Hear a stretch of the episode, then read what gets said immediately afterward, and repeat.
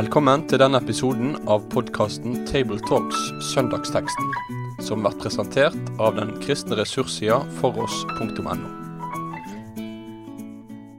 Da ønsker jeg velkommen til en ny episode i Tabletalks. Det er den eh, åttende søndag i treenighet. eh, Og gruppa i Rogaland de skal samtale over teksten i Markus 12. Eh, Det er Øyvind Solheim, Sofie Braut og Jan Helge Aarseth som er her. Teksten er fra Markus 12, og det er vers 28 til 34. Kanskje du, Sofie, kan lese de eh, ordene til oss? En av de skriftlærde som hadde hørt på dette ordskiftet, skjønner at Jesus hadde svaret dem godt. Nå kom han bort til ham og spurte, hva for et båd er det første av alle? Jesus svarer, dette er det første bådet. Hør, Israel. Herren vår Gud, Herren vår Gud, Herren er én. Du skal elske Herren din Gud av hele ditt hjerte og av hele din sjel og av alt ditt hvit og av all din makt. Det andre er dette. Du skal elske nesten din som deg sjøl. Noe større båd enn disse fins det ikke. En skriftlærde sa til han. Du svarer godt, meister. Det er sant som du sier. Herren er én, og det fins ingen annen enn han. Å elske han av hele sitt hjerte og av alt sitt vit og av all sin makt, og å elske nesten sin som seg sjøl, det er mer verdt enn alle brennoffer og slaktoffer. Da Jesus hørte hvor klokt han svarer, sa han til den skriftlærde, Du er ikke langt borte fra Guds rike. Og ingen våger å spørre han mer. Bibelordene våre her som Sofie leste, de er henta fra et, et kapittel i Markusevangeliet der de virkelig eh, braker i hop med spørsmål og svar, og Jesus står i, midt i det hele.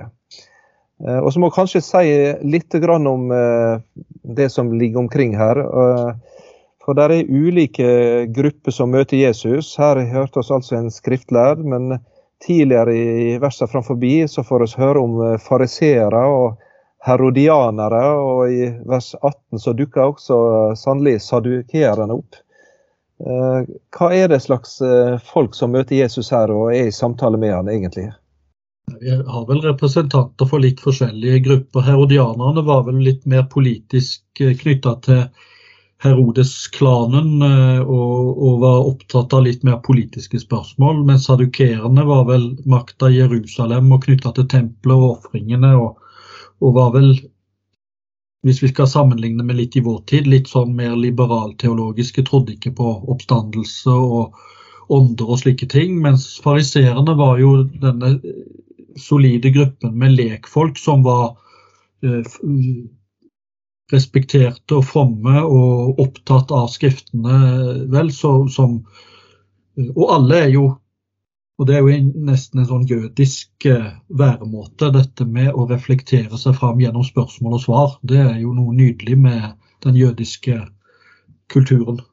Og Det er jo et veldig sånn, brennende aktuelt spørsmål som blir presentert i starten. jeg tenker liksom Det er litt sånn aktuelt i vår tid òg. Det der å liksom få tak i det viktigste. altså Dette er å egentlig prioritere. Sant? Det, er jo ofte en utfordring i vår tid òg. Hvordan skal vi komme til det som virkelig teller?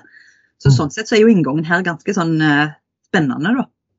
Så kanskje det kan være et av de første poengene, dette med at vi har noe å lære av å ha et sånt ordskifte som, der en kan samtale over åndelige spørsmål og, og, og, på en måte drøfte det i lag av det. Jeg tror ikke det er for mye egentlig altså det på en positiv måte. Ja, nei, Det er jo en del som mener kanskje litt at Nå har jeg vært aktiv i en del ordskifter selv, og kanskje merker at noen har litt den innstillingen at det er ofte litt sånn det blir litt for masse ordskifte kanskje, og diskusjon. Og, og klart Bibelen også advarer jo mot sånn tomme ordskifte som bare er ren polemikk og som ikke fører noen plass hen. Men så er jo dette et fantastisk godt eksempel på et, et sånn sett konstruktiv sånn, hadde et uttrykk for det her på engelsk før vi starta med 'reasoning together'. Var det det du sa, Eivind? Der, ja. der en på en måte prøver å komme til rette med viktige spørsmål. Da. Og da er jo ordskiftet helt, uh, helt vesentlig for oss uh, ja, på Jesu tid og, og, i dag. Vi kan undersøke sammen gjennom spørsmål og svar de store spørsmålene. og det er en, en veldig, Jesus uh, gjorde det jo mye. Og selv om han òg ble utsatt for det du sier med hårkløveri og de ville sette ham fast og sånn, så er det tydelig en her som, som har en helt annen innstilling, som virkelig søker erkjennelse og innsikt. Eh, og så var vel en del av den uh, diskusjonen eller samtalen uh, som du leser om i evangeliet, der de prøvde å sette Jesus fast eller fange han eller få han til å dumme seg ut på et eller annet vis. Og, og, og, få han liksom nedgradert. det var ulike ting som Hvis vi ser kapittel 12 i Markus, som er vårt kapittel nå, så ser vi at disse herodianerne og fariseerne de snakket om dette med skatt til keiseren. Altså et diskusjonstema som sikkert var et stridstema på den tid. Eh, om hvordan en skulle betale det med denne okkupasjonsmakta som de opplevde han som.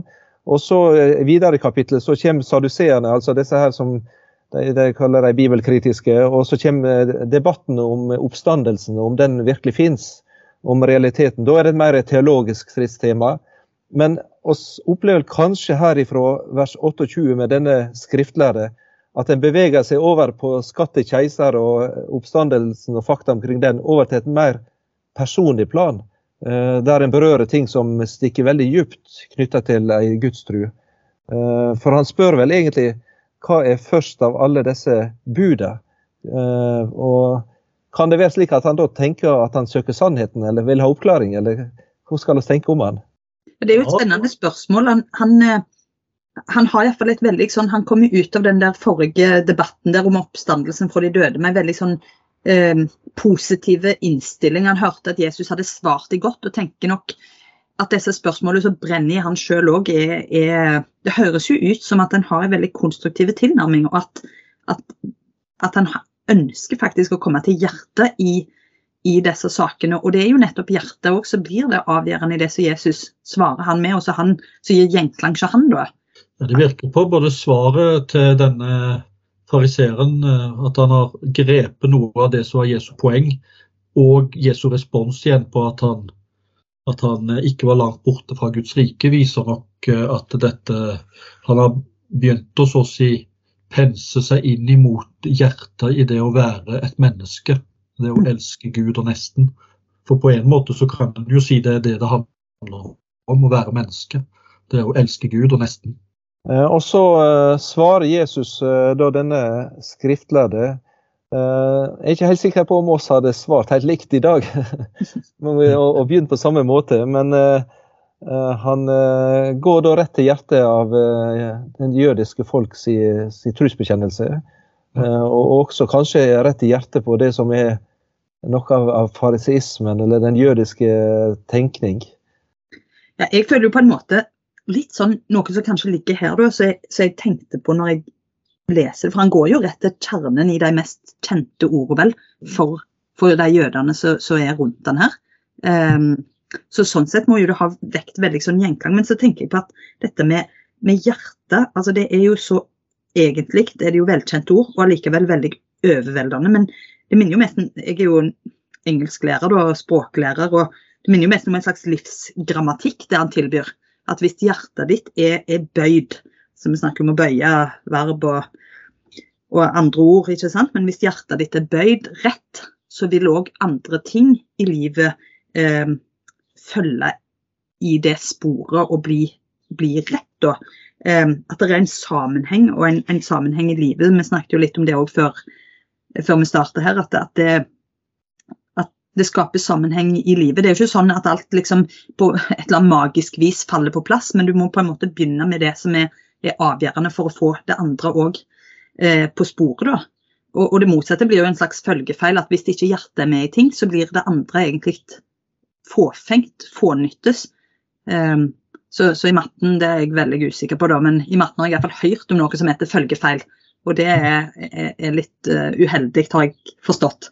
Uh, men, men det, er noen sånne system og sammenhenger her, så, så jeg opplever jo at, at Jesus uh, presenterer for denne mannen.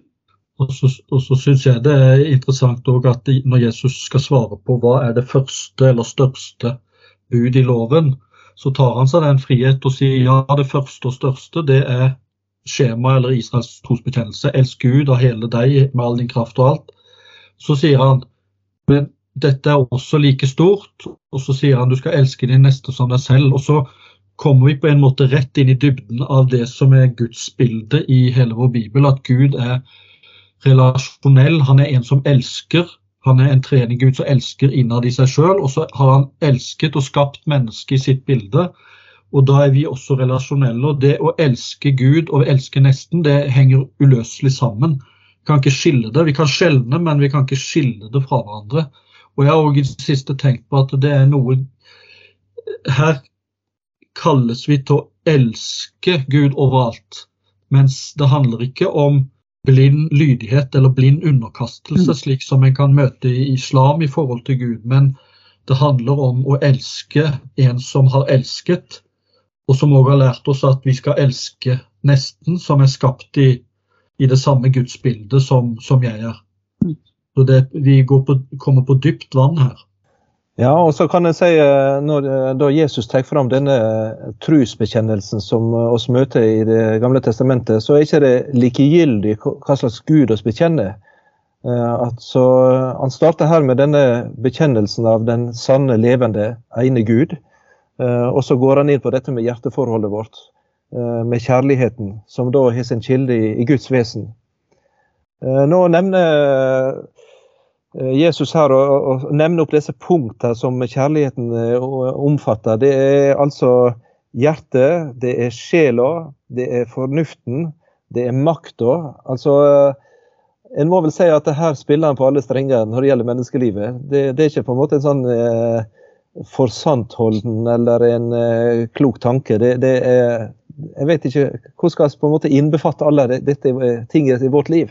Stort spørsmål, men eh, det er iallfall, som du sier, det er noe som virkelig omfatter alt vi er, hele vår tilværelse, hele vår eksistens. Og, og på en måte så ser en jo igjen hvordan, hvordan Jesus bare eh, legger lista høyt, da.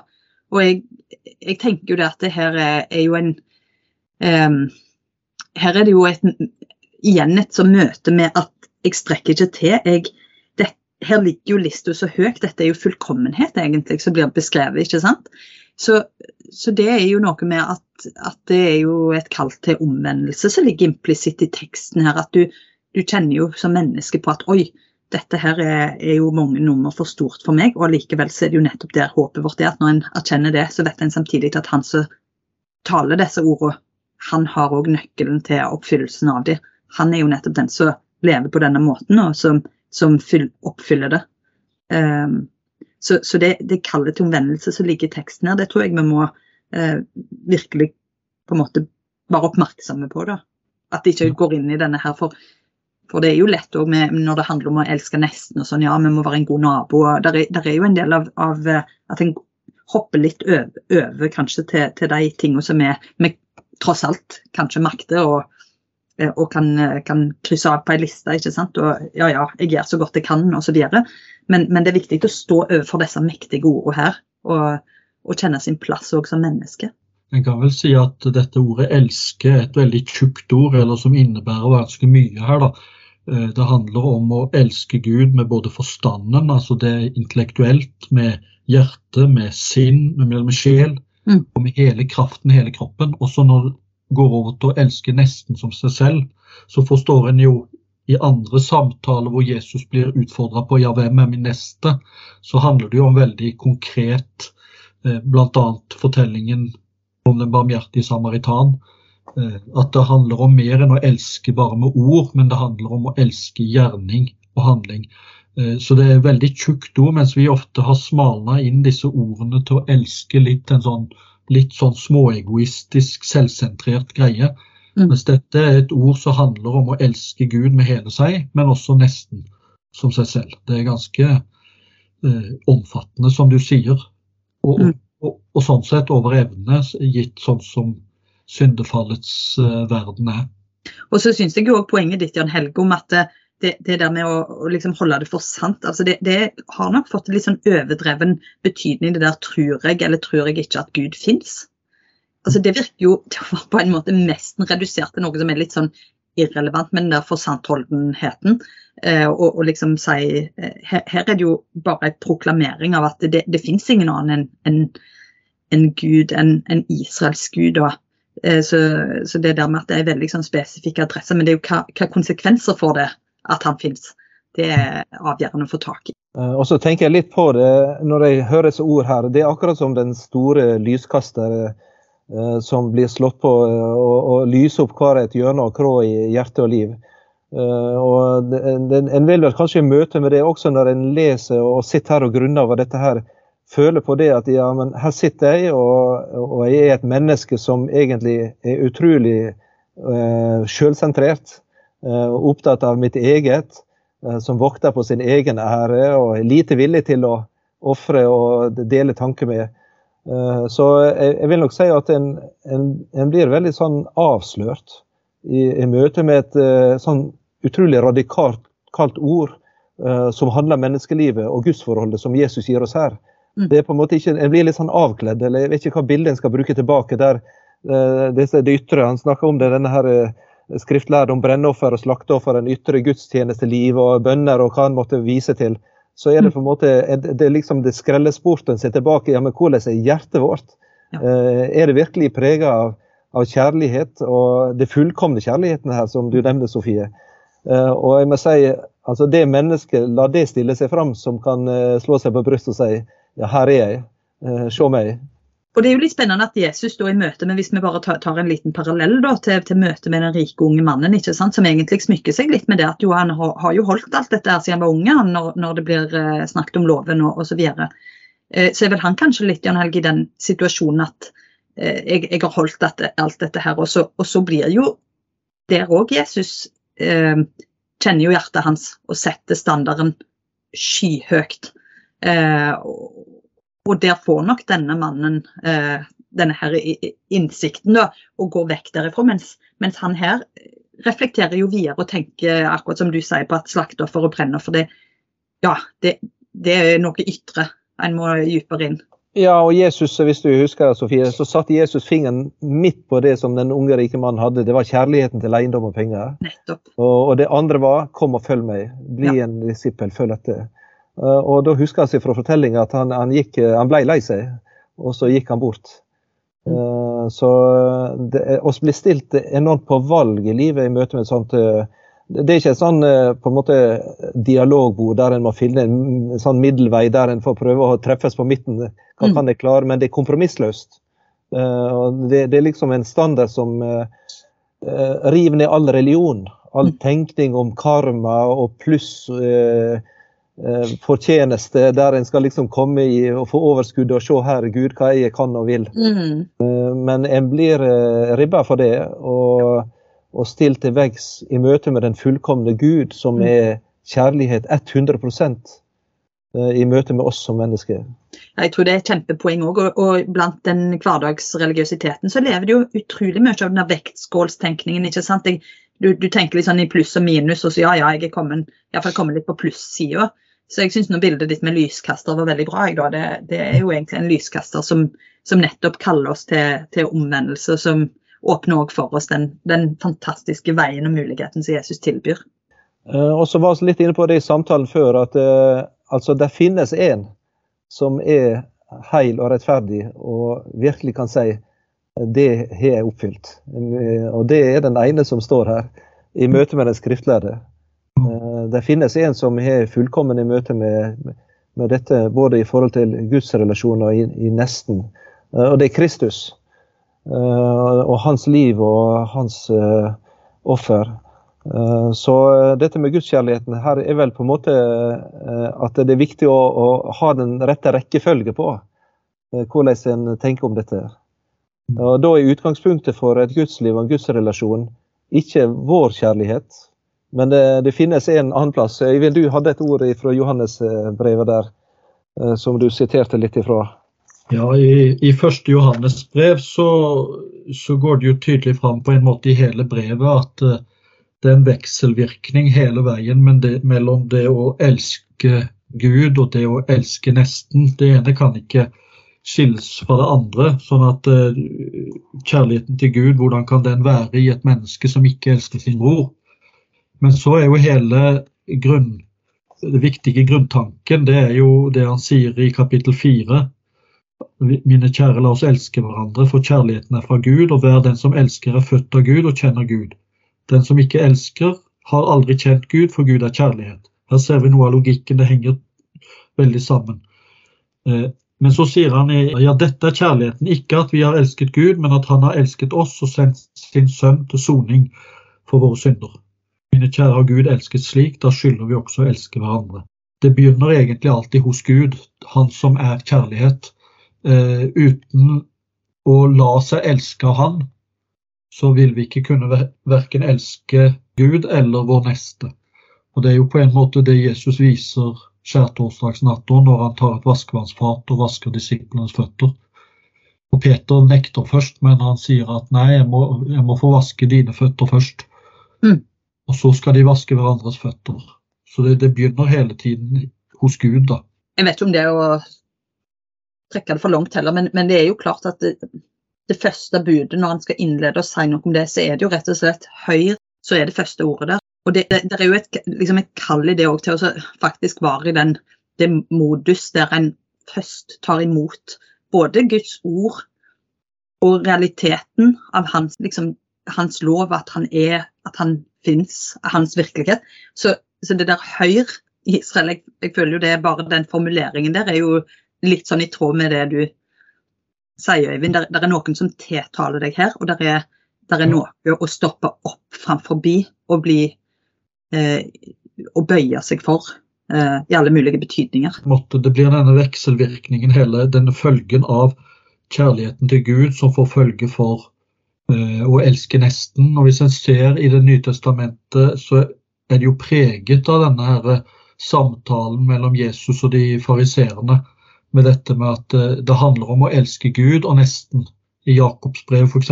så er det jo helt grunnleggende for hele den etiske eller moralske undervisningen det at en ikke skulle gjøre forskjell på fattig og rik. Hva grunna i dette? Han sier, mine søsken, dere kan ikke tro på vår Herre Jesus Kristus, Herlighetens Herre, og samtidig gjøre forskjell på folk. Og så kommer han i vers 8 i Jakob 2. Dersom dere oppfyller den kongelige lov i Skriften. Du skal elske de neste som deg selv. Da gjør dere rett. Men gjør dere forskjell på folk, da synder dere, og loven anklager dere som lovbrytere. Det, det, sånn på en måte det henger sammen. Du kan ikke følge Jesus og samtidig hate de neste. Og så er det en sånn der, eh, dynamisk vekselvirkning i dette og i hele det bibelske undervisningen om disse tingene. Og det virker jo som han har grepet litt grann denne fariseeren når han svarer at dette å elske Gud og nesten er verdt mer enn dette med brennoffer og, og altså fromhet for øvrig. Det handler om dette store, tjukke ordet å elske Gud og nesten. Ja, altså Når han da nevner på dette hjerteforholdet, og tydelig eh, så virker det som det har eh, berørt han, så er det Jesus sier du er ikke langt borte fra Guds rike. Hva var det han egentlig hvor nær var han? Kan du tenke over det? Eller hva, hva, var det som sto igjen, på en måte, hvis en sier det? Veldig spennende spørsmål, altså. Hvor nær er han? Nei, men, men, men, altså, ja, en kan jo tenke seg at det er en slags uh, anerkjennelse som ligger det for, for, retningen denne samtalen tar, og for egentlig for å løfte dette anliggende som, som jo han, uh, han gjør. Og litt sånn du er på rett spor her. Uh, du nærmer deg innsikt virkelig i det som virkelig gjelder. Eh, jeg tror ikke det er for å dra det for langt. Jeg tenker kanskje at Han måtte kanskje gi tapt noe som var viktig. Det går på dette med egenrettferdigheten. Altså, Paulus har en sånn liste i et av brevene sine der i Filippe-brevet der han skriver om alt det som var fortrinn og alt det han regner som et gode, da, som han nå regner som skrap. Så mm. noe måtte han på en måte gi slipp på, og så måtte han eh, ta imot noe annet. Eh, og det må vel være Kristi tilgivelse og rettferdighet, som mange evangelier fikk oppleve eh, når, i møte med Jesus. da. Jeg vet ikke om en kan tenke på noe annet. Nei, Det virker jo iallfall som han på en eller annen måte har klart å, å ta et stig ut fra den blokken av fariseere og sadukere som prøvde å sette Jesus fast, og isteden begynne å åpne seg for den innsikten som Jesus kom med, og som gjorde at han responderer litt annerledes òg enn den rike unge mannen som på Jesu ord om at du må selge alt du eier, så gikk han trist bort. Han her har tydelig Men det er jo en, en fortelling uten slutt. da. Vi vet jo ikke hvor, om han kommer inn i Guds rike, om han er en av disse fariseerne som etter oppstandelsen står fram og viser seg som en Jesu disippel. Men det er uansett På en måte så inviterer kanskje Markus til på en måte å, å spørre oss selv alle i møte med Jesus om, om, vi, om, om vi har del i Guds rike. Ja, for det er jo litt sånn sånn så salmisten, ikke sant, ransak med Gud. altså At han på en måte opplever i hvert fall at når han nevner spesifikt dette med at det, at det å elske både Gud og nesten er mer verdt enn alle brennoffer og slakteoffer, så går han jo liksom på spesifikke, de spesifikke handlingene som vel eh, de han på en måte hørte til, holdt veldig høyt. Altså det skikker og de ytre uttrykkene for rett fromhet og rett religiøsitet.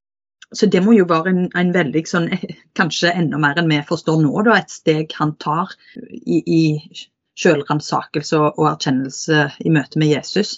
Så kanskje vi, jeg vet ikke helt om vi helt klarer å se det i dag, som sier vi lever i veldig, et veldig annet samfunn, men, men i alle fall det, det høres ut som han tar noen viktige steg og sier noen uh, ting. Og så er det jo det der å være på det til, Ja, nei, det er en spennende avslutning på teksten her, egentlig. For det er jo ingen som våger å spørre uh, Jesus noe mer heller uh, enn Helge, så det, noe viktig har blitt sagt.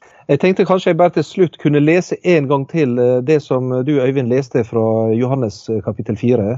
Jeg føler det oppsummerer noe av dette som både utfordringer som blir gitt her, og veien videre også for denne skriftlærde. Johannes 1, kapittel 4, der leste oss dette. Ved dette ble Guds kjærlighet åpenbart iblant oss, at Gud har sendt sin enbårne sønn til verden for at vi skal leve ved ham. I dette er kjærligheten, ikke at vi har elsket Gud, men at Han har elsket oss og sendt sin sønn til soning for våre synder. Mine kjære, har Gud elsket oss slik? Da skylder også vi å elske hverandre. Med det sier vi takk for følget for denne gang. Finn flere ressurser, og vær gjerne med å støtte oss på foross.no.